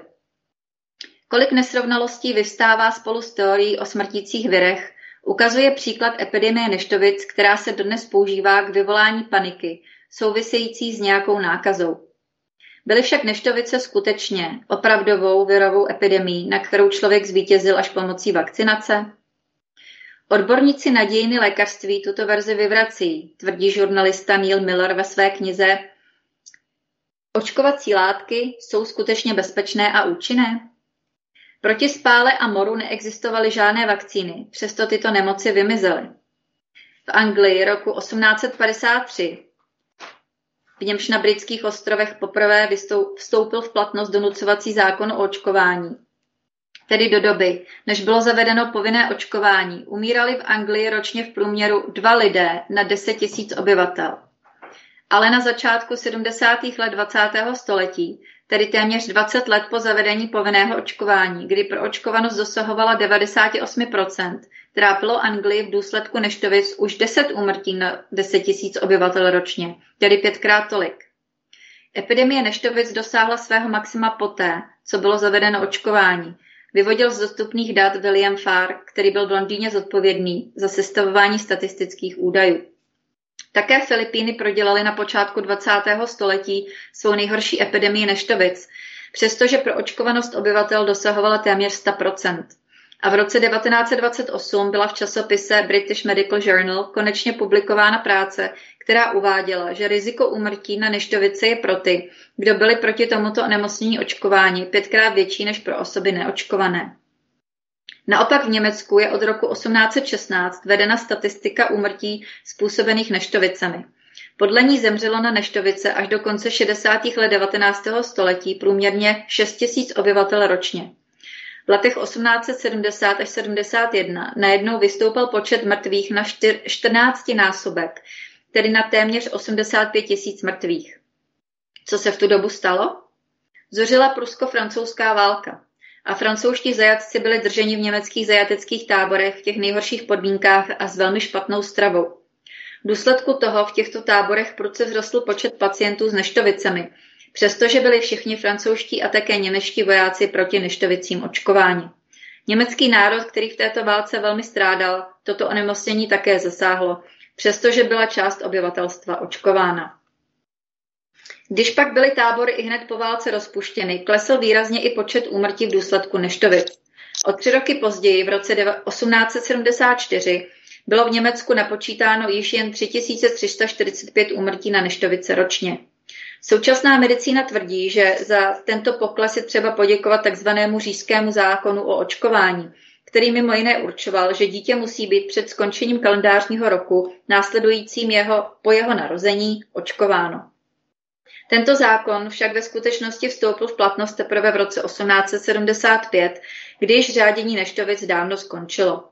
Takže to tedy muselo být zlepšení celkové situace týkající se hygienických, technických a civilizačních podmínek našeho obyvatelstva, které nakonec vedlo k ústupu onemocnění a poklesu počtu obětí, tvrdí lékař Gerhard Buchwald. A ta kapitola jde dál, nechci to pročítat celý, ale v podstatě takovýchto uh, vysvětlení uh, k různým infekčním onemocněním, uh, co je zřejmě způsobovalo jiného než neprokázaný virus, je plná kniha. A jenom podotýkám, že těch referencí je, jestli si to dobře pamatuju, nějakých 52 stránek, na konci jsou pouze reference na, na literaturu odbornou, z které je čerpáno. Takže ta kniha Dal... je velmi do, dobře ozdrojována. Velice. A dá se to nějak schrnout, třeba ty příčiny nemocí, teda když to nejsou víry a infekce, jestli je to v knize popsáno nějak? Právě, že ke každé kapitole se tam autoři zabývají i různými možnými jinými příčinami toho onemocnění, které zase vychází uh, z, ze studií k tomu tématu. Ale jak už bylo zmiňováno, tak právě proto, že se do toho oboru virologie věnuje takové obrovské množství peněz na v uvozovkách výzkum, tak se nevěnuje na výzkum jiných alternativních nebo pos, výzkumu alternativních příčin, jiných příčin onemocnění. Proto vlastně mm, zatím ten výzkum je stále nedostatečný. A to je ten kámen úrazu kdy vlastně celá infekční teorie nás, nás, nás drží v pravěku právě tím, že absorbuje se do sebe všechny ty granty, které jdou. A na začátku téhle knihy, promiň, na začátku téhle knihy um, já teďka úplně to asi nenajdu, ale dneska, když jsem si to pročítala, tak právě uh, je zmiňováno to, že to infekční vysvětlení, ta infekční teorie je vlastně jako skvělá v tom, že nabízí instantní uh, vysvětlení, jo? což prostě my lidi chceme, nebo jsme, jsme v podstatě líní v tom smyslu, že když nám někdo dá simplicitní, jednoduchý vysvětlení, tak je to pro nás přijatelnější, než vlastně nějaká komplexnější, um, filozofičtější, jak bych to řekla, Um, vlastně okolnost, kde jo, na to není třeba zázračná pilulka a kde vlastně je potřeba ty příčiny zkoumat z několika různých úhlů pohledu. Takže proto vlastně spoustu lidí raději přijme nějakého nebezpečného nepřítele v podobě ať už bakterie nebo plísně nebo toho údajného viru, protože prostě je to jednoduchý. A to je to, na co ty se ptáš, jestli se dají nějak schrnout příčiny onemocnění a nevím, co znamená shrnout, ale určitě se dá vyvodit to, co nás činí nemocnými a určitě jsou tyhle věci i zdokumentované. A když bych to měla nějak shrnout, tak jsou to vlastně, asi bych já řekla čtyři základní věci. Je to toxický prostředí. O tom pojednává skvěle vůbec celý obor toxikologie, ten zkoumá, jak nás působí uh, různé chemikálie, kdy se stávají pro tělo toxickým, jaký množství jsou toxický a tak dále. Další, uh, další důvod onemocnění je v podstatě podvýživa, protože adaptace organismu na změny prostředí a vlastně i na detoxikaci těch toxických látek potřebuje uh, zužitkovávat různý um, jak bych to nazvala souhrně, prostě různý nutrienty v těch detoxikačních procesech a to tělo, když jich nemá dostatek, tak vlastně nemá jak ten proces detoxikace řádně provést a vyčerpá se. Takže podvýživa je dalším důležitým zdrojem onemocnění. To tělo se nedokáže zharmonizovat.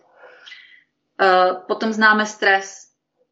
Jo, to je velice nedoceněná příčina našich onemocnění a některé vlastně pohledy na zdraví jí dávají na přední místo. A to, co je potřeba dle mého názoru v dnešní době zkoumat, tak jsou to, tak je to vlastně elektromagnetický smog, kterým jsme ponořeni a jaký vliv má vlastně na fungování toho našeho elektrického, elektromagnetického aparátu, protože my jsme elektromagnetické bytosti.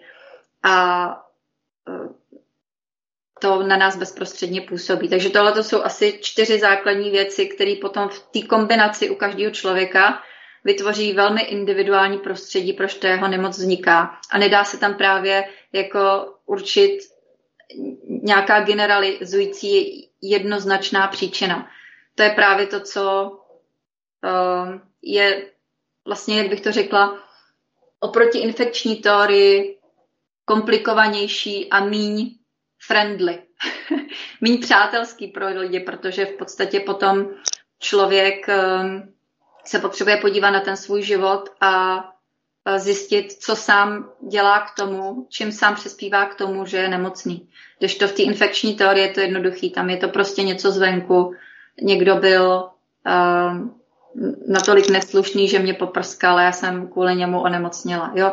Takže jsou to úplně jiný přístupy. Jeden je, uh, já mám sám vlastní zodpovědnost a druhý je, uh, okolí mi něco způsobilo, zodpovědnost je mimo mě. Davide, ty jsi k tomu chtěl něco dodat?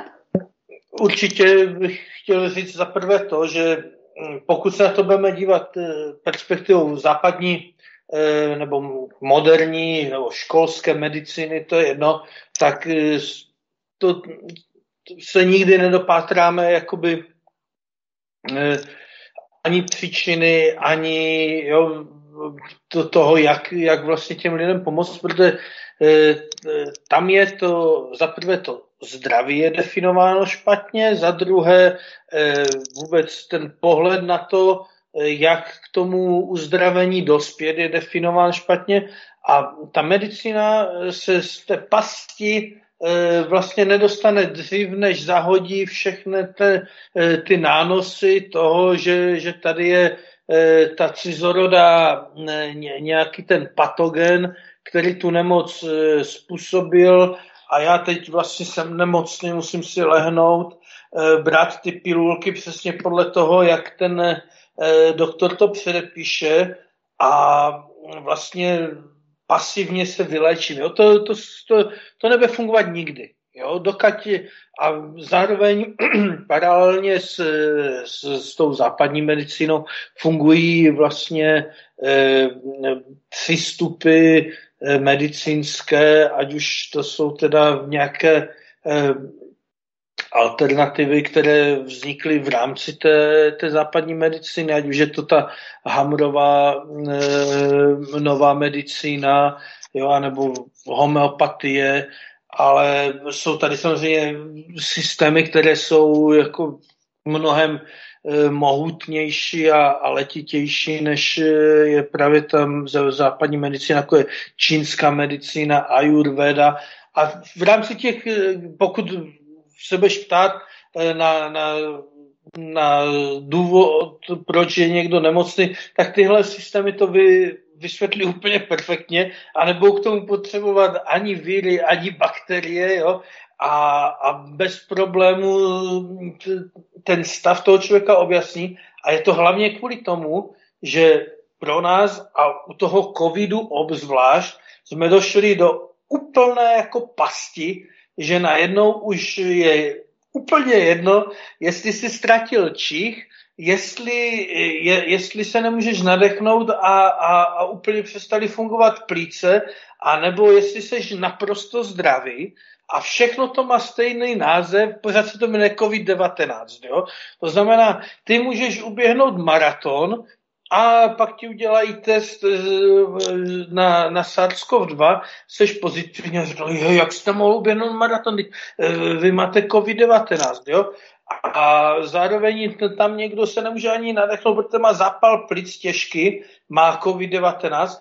Někdo mm, z nějakého důvodu ne, ne, ne, ne, ne, necítí pach, má COVID-19 A, a vlastně ta, ta bezbřehost té diagnozy už je taková, že cokoliv bude jakoby spojeno, jo, to už e, nesoustředěnost dětí je pozdní covid, jo, a ne, už, už jsou blázní úplně, jo, oni zkrátka jako covid bude, bude dneska cokoliv, jo, to znamená, pak se nemůžeš ptat, co to způsobuje, protože ta, ta definice té nemoci už je, už je postavena tak, jakoby mimo rámec jakéhokoliv racionálního uvažování, že my se potřebujeme zbavit všeho.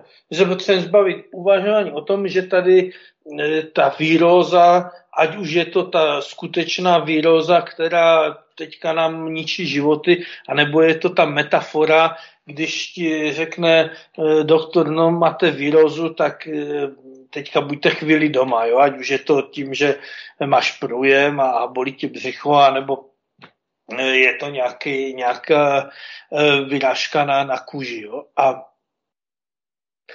tohle všechno, jako dokud, dokud tohle ta, ta západní medicína nezahodí a tím vlastně vědeckým aparátem, který se skutečně, ten vědecký aparát se rok od roku zlepšuje.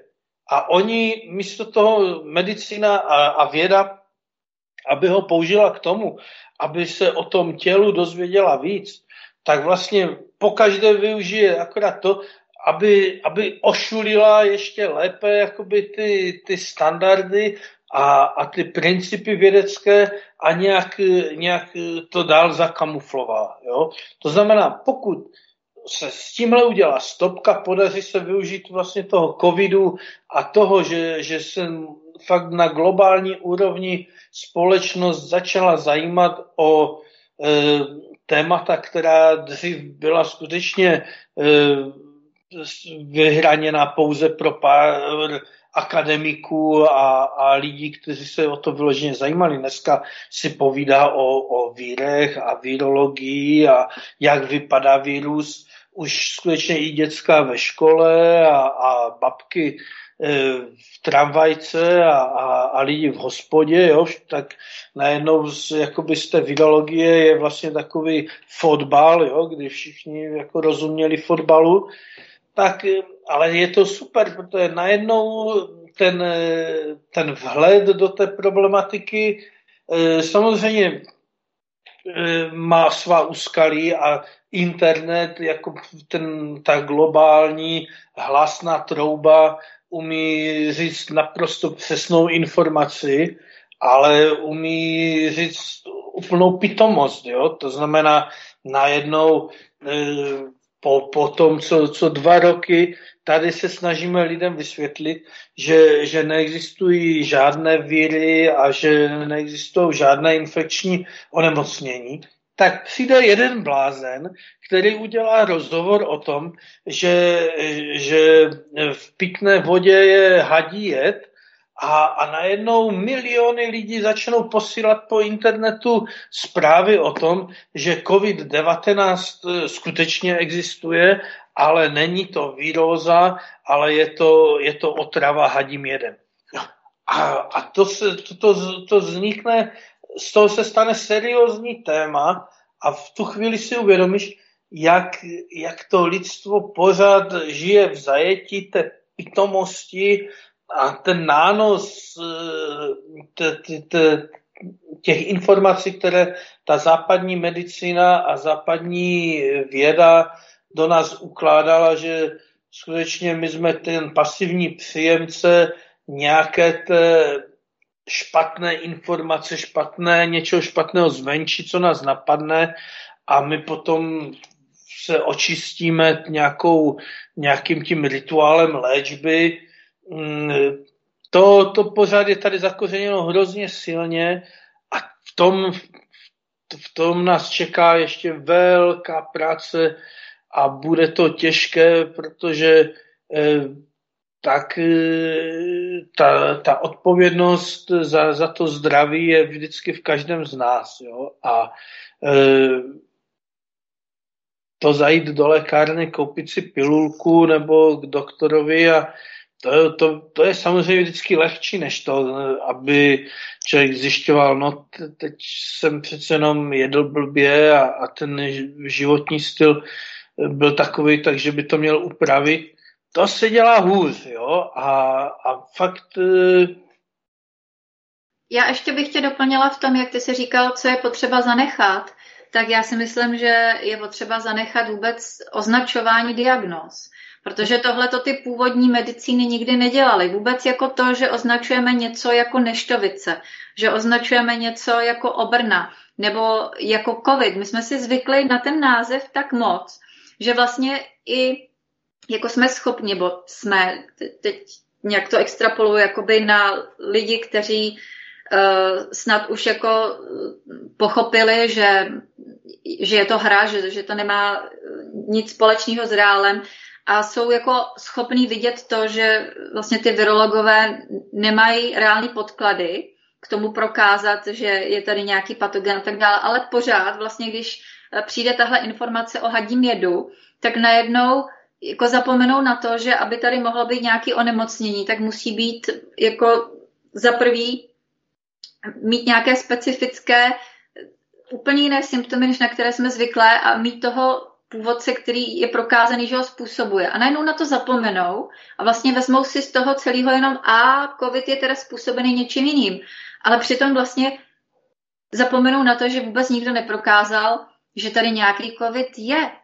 A to je to škatulkování těch diagnóz. Jo, v podstatě, když bychom si vzali člověka, který má diagnózu a teďka tento covid nebudu schválně používat, protože to už je prostě fakt od A do Z úplně cokoliv, ale vezmu si třeba jenom ty neštovice, kde tam máš údajně fakt specifický symptomy, tak přijdeš na to, že když si rozebereš ty jednotlivý případy, tak to nejsou úplně stejný symptomy. Každý ten člověk má podobný a jenom, jenom proto, že prostě se něco vyplavuje kůží a vypadá to um, jak to říct, ano, vypadá to podobně, tak to nazveme nějakou diagnózou, ale přitom ten stav toho každého jednotlivého člověka s tou diagnózou je velmi individuální a takhle je to u jakéhokoliv jiného takzvaného onemocnění. A s tímhle právě uměli pracovat ty původní klasické medicíny, které vůbec tohle nedělali. Ale vždycky... Davide, vidíš to? Ale vždycky vlastně se zaměřili na ten konkrétní stav toho člověka, který mu něco bylo a zkoumali, jaký má tep, jak vypadá jeho jazyk, uh, jak vypadá kvalita jeho kůže a prostě z těchto těch indicí usuzovali, uh, a když teďka se podívám do té ajurvédy, uh, jaká doša mu převažu, převažuje, jak by se to dalo vyrovnat, prostě jestli má v těle příliš ohně, příliš vody, příliš slizu a tak dále. Čínská medicína zase pracovala s jinými terminologiemi, ale vždycky to bylo individuální na toho konkrétního člověka a vůbec se jako nezajebávali nějakýma diagnózama. Vůbec je to nenapadlo udělat škatulku, do který nahrnou prostě e, nějaký symptomy a teďka e, to bude to dogma, s kterým budeme pracovat. A to je to, co je potřeba zanechat z té západní medicíny. Není to jenom jako ta představa, že patogeny způsobují onemocnění, ale vůbec, že jako můžeme tady udělat nějakou diagnózu a s ní pracovat. A na tom covidu je to úplně krásně vidět, jak se to fakt vymklo z ruky. A jak ale vlastně, jak, jak jsme lehce naprogramovatelní v tom, že za dva roky jsme si na tu diagnózu natolik zvykli, že my vlastně už jako sami vidíme. my už ji sami jako si potvrzujeme různýma indiciema a nechceme si ji jakoby nechat vzít. A ta, ten příběh s tím hadím jedem na nás eh, se obrací docela dost lidí, kteří chtějí, aby jsme se k tomu vyjádřili. Uh, Davide, ty si přeložil kousek článku od Mikea Stona. Já jsem to ještě na naše stránky nedala, protože jsem si myslela, že by to chtělo ještě víc okomentovat, ale teďka, když tady o tom mluvíme, tak, tak jako je to v podstatě ztráta času, protože každý člověk, který už nás trošku poslouchá nebo čte, nebo který si přišetl virovou mánii a alespoň lehce se logicky zamyslí nad těmi argumenty, které v těch videích byly otitulkované, myslím, do češtiny, nevím, mysl, myslím si, že asi, nebo nevím, je, jsou to videa v angličtině, tak když ty argumenty poslechnete, tak po pár proskoumáních přijdete na to, že vlastně ta celá teorie je zase založená na PCR testování. Na nějaký detekci nějakých úseků, který mají být jako důkazem uh, hadího peptidu prostě ve vodě a v remdesiviru a ve vakcínách. Uh, jako za prvý, když vypijete hadí tak se vám nic, nic nestane. To je věc, která je lehce dohledatelná. To je, to je první blbost. Prostě hadí, hadí venom není jed v pravým slova smyslu. A dál můžete si rozebrat to video a to, co tam ten doktor Ardis tvrdí.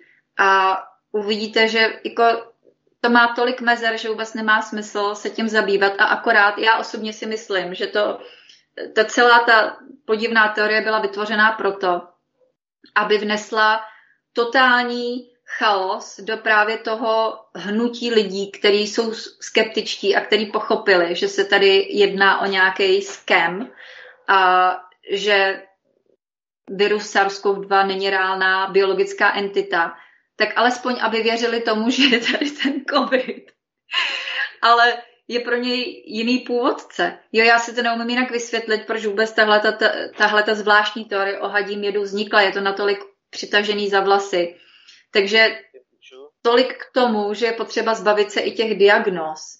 A já tady k tomuhle tomu tématu uh, jenom ocituju kousíček z knihy Virová mánie, protože vlastně už je několik v historii těch diagnóz, o kterých jsem myslela, že jsou způsobovaný viry nebo nějakým infekčním agents. A bylo postupem času prokázáno, že nejsou. A to jsou právě ty dobrý omily, na které je potřeba ukazovat. Takže je to ze strany 64 v kapitole Jak se lovci mikrobů dostali k moci. Nadpis je Kurděje, Berry, Berry a Pelagra. Lovci mikrobů a jejich četné porážky. Koncem 19. století, kdy se Pasteur s Kochem stali i přes své podvody slavnými, neměla veřejnost už téměř žádnou šanci postavit se na odpor propagandě zaměřené proti mikroorganismům. Lékařské autority, které se přiklonily k teorii mikroorganismů jako zabijáků, měly spolu s narůstajícím vlivem farmaceutického průmyslu již příliš velký vliv, kterým ovlivňovali mínění veřejnosti. Tím byl definitivně určen směr a byla zavedena experimentální medicína, která pro své pokusy využívala zvířata s cílem vyvinout, údajně, zázračné pilulky proti zcela specifickým nemocem. Všechno toto bylo prosazováno tak důsledně, že například i taková látka jako tuberkulín, který způsobil smrtelnou katastrofu, byla prodávána s velkými zisky. A jako obvykle ani Koch nikdy nepřiznal, že byl tuberkulín omyl. Tuberkulín začal vyrábět společnost Farbenwerke Hoechts, která hledala levnou vstupenku do farmaceutického výzkumu. Kochův, žák Liberc měl na produkci tuberkulínu u firmy Hoechts dohlížet, čímž byla výrazně posílena spolupráce Kochova institutu s rozvíjejícím se farmaceutickým průmyslem. Od té chvíle sílila snaha vecpat všechno do jednoho jediného modelu, jedna nemoc, jeden patogen, jeden zázračný lék. Což však sebou přinášelo jeden neúspěch za druhým. Etablovaná medicína po dlouhou dobu s vervou tvrdila, že nemoci, jako jsou kurděje, což nemoc námořníků, pelagra, tedy drsná kůže, nebo beriberi, nemoc horníků a vězňů, jsou způsobeny bakteriemi. Až nakonec musela se zatnutými zuby přiznat i ortodoxní medicína, že skutečnou příčinou těchto nemocí je nedostatek vitamínů. U nemoci beriberi došlo teprve po letech trvající diskuzí o příčině tohoto nervově degenerativního onemocnění k rozhodujícímu obratu a sice v roce 1911, kdy byl poprvé izolován vitamin B1, tiamin, tedy vitamin, který chybí především v rafinovaných potravinách, jako je například bílá rýže. Robert R. Williams, jeden z objevitelů tiaminu, k tomu poznamenal, že díky pracím Kocha a Pastéra byli všichni natolik fascinováni myšlenkou infekčních patogenů způsobujících nemoc, že se z ní brzy stal doslova axiom. To znamená předem dané tvrzení, jehož platnost není potřeba dokazovat. Tedy tvrzení, že nemoci nemohou mít jinou příčinu než mikroorganismy. Tento zatvrzelý postoj lékařů k infekcím jako příčině nemocí mohl bez pochyby za to, že u onemocnění Berry nebyla brána v potaz jako příčina také výživa. Takže to jen malá část z toho, v čem se medicína v minulosti mýlila. Já osobně si v tomhle myslím, že ten důvod je toxická zátěž organismu a že ty vitamíny tam hrajou až tu roli, že jsou, že vlastně um, jsou z těla odvedený do takové míry, že se považují za to, že jich je nedostatek, protože se účastní právě té detoxikační vyrovnávací fáze. Ale to už je nějaká moje hypotéza, je to v tomhle kontextu úplně jedno. Důležitý na tom je, že se myslelo o tom onemocnění, že je způsobeno patogeny, ukázalo se, že jsou tam úplně jiné příčiny. A v podstatě tohleto, když bychom zkoumali takzvané infekční onemocnění, eh, kterých je v této knize popsáno, myslím, dostatek, tak abychom přišli vlastně na to tež, že k tomu existují jiné racionální příčiny, ale jak už bylo řečeno, neskoumají se, protože do tohoto výzkumu nejdou granty. Tak já myslím, že tohle je asi dostatečná, dostatečné citování z knihy. Uh, opravdu čte se dobře. Fakt ta kniha není náročná, není nějak jako vyloženě strašně odborná, jako ty virologické studie, v kterých my ležíme někdy. Je jednoduchá na čtení. Doporučuju, pakliže se chcete osvobodit od těchto těch dogmatů, který nás drží v pravěku. Kniha Virová mánie je prostě Bible, kterou by měl číst každý dinosaurus, aby se mohl osvobodit ze své skameněliny. Chceš k tomu ještě, Davide, něco přidat? Ne, jsem, souhlasím a taky doporučuji pro všechny, kdo chtějí mít e, lehčí život, protože od e, vlastně té doby, kdy jsem se začal te, te, te, te, te, tou problematikou medicíny zabývat a zjistíte, že, že neexistují přenosné nemoci, tak, tak vlastně vás to osvobodí jo? Vlastně od všech těch nánosů toho, že tady se nesmím něčeho dotknout a tam, jestli vedle mě někdo kucká, tak ten mě asi nakazí. Jo? To, to vlastně nemá žádný vliv. Jo? Tady jde o to, jestli to, to vy s tím organismem žijete v nějaké e, symbioze a staráte se o něj, ale jo, že, že ty nemoci nepřicházejí zvenčí.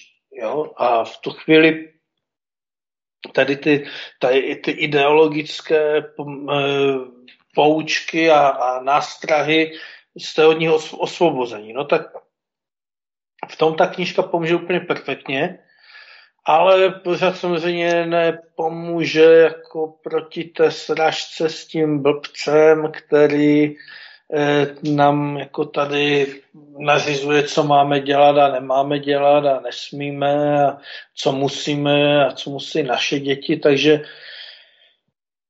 na té psychologické úrovni je to dobrý, ale na té právní a na té jako, teda musíme ještě pořád pracovat, takže to, když se kdokoliv přidá a bude eh, tlačit i na, na, na ten stát, jakýmkoliv způsobem to, na to nemáme patent jenom my, ale kdo, co, co vás napadne, jak se dá účinně bránit eh, vlastně tomu, aby nás hloupost má neterorizoval stát, tak se k tomu přidejte, no.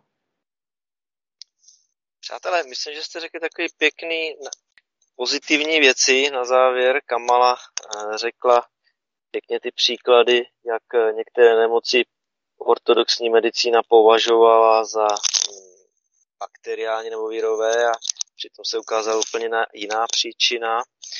A ty jste, Davide, krásně řekl, že přečtení té knihy Virová mánie člověka odsvobodí od, vlastně od strachu, bych to zobecnil. Přesně tak, no. Jo, a to, to si myslím, že je taky důležité. Kamala to řekla jako stres vlastně.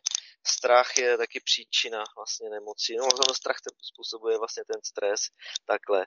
No a co, co se týče těch právních, já myslím, že ta společnost se změní v podstatě až ve chvíli, kdy e, statisticky významná část obyvatelstva začne skutečně sama myslet protože do té chvíle vlastně, tak jak jste to popisovali, že ta současná medicína vlastně slouží těm lidem, protože oni chtějí tu pilulku, nechtějí sami přemýšlet, nechtějí se sami starat o své zdraví, tak ono jim to vlastně slouží a vytrestá to ty lidi, takže nakonec je to takový fajný trenažer, který stejně ty lidi přinutí, aby začali sami myslet.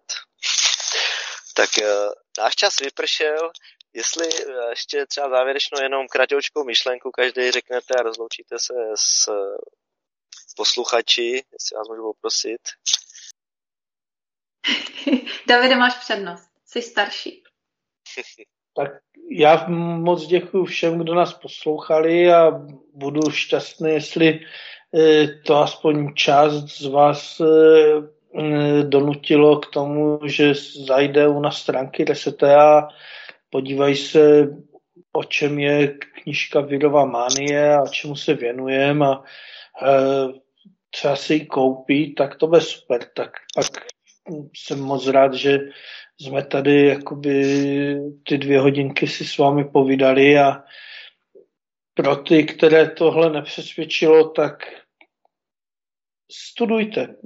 Prověřte si všechny informace, kterým věříte, které vám říká třeba pan Konvalinka nebo dal ministři zdravotnictví a podívejte se, jestli fakt, zkuste se podívat, jestli tom, to je dostatečné, dostatečně zargumentované na to, abyste tomu věřili a myslím si, že, že sami přijdete na to, že je potřeba se tím zabývat. To se tím zabývat nechce, tak chápu, že to dělat nemusí. A ale toto si myslím, že fakt každý má tu, tu šanci eh, svého vlastního rozhodnutí a eh, rozhodnutí to, kterou cestou se vydá, které bude věřit. Věci, které se zdají složité, tak jsou většinou zdánlivě složité, eh, takže i ty, i ty články videologické jsou skutečně ve, ve finále pře, jako se dají přečíst, ale kolikrát to není důležité, je potřeba se jenom zorientovat. Tak nechci už to moc komplikovat.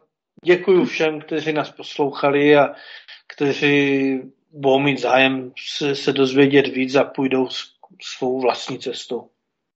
Tak Díky Davide a poprosím Kamalu o rozloučení se s posluchači.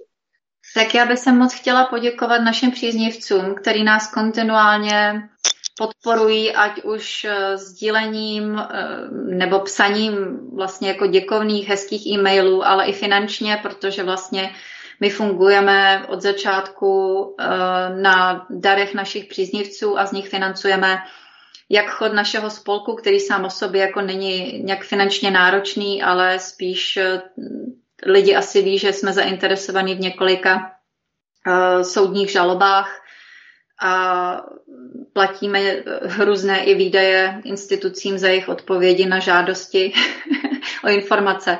Takže díky vlastně vaší podpoře my můžeme tyhle ty věci tlačit dál a uh, byť možná to nevypadá, že se to někam posouvá, tak uh, já si myslím, že máme velice dobrý fundament nazbíraný uh, materiálů, který vlastně jako jsou základem dalších možných právních kroků vůči odpovědným osobám, takže to jen tak zbytečný a nadarmo nebylo a není.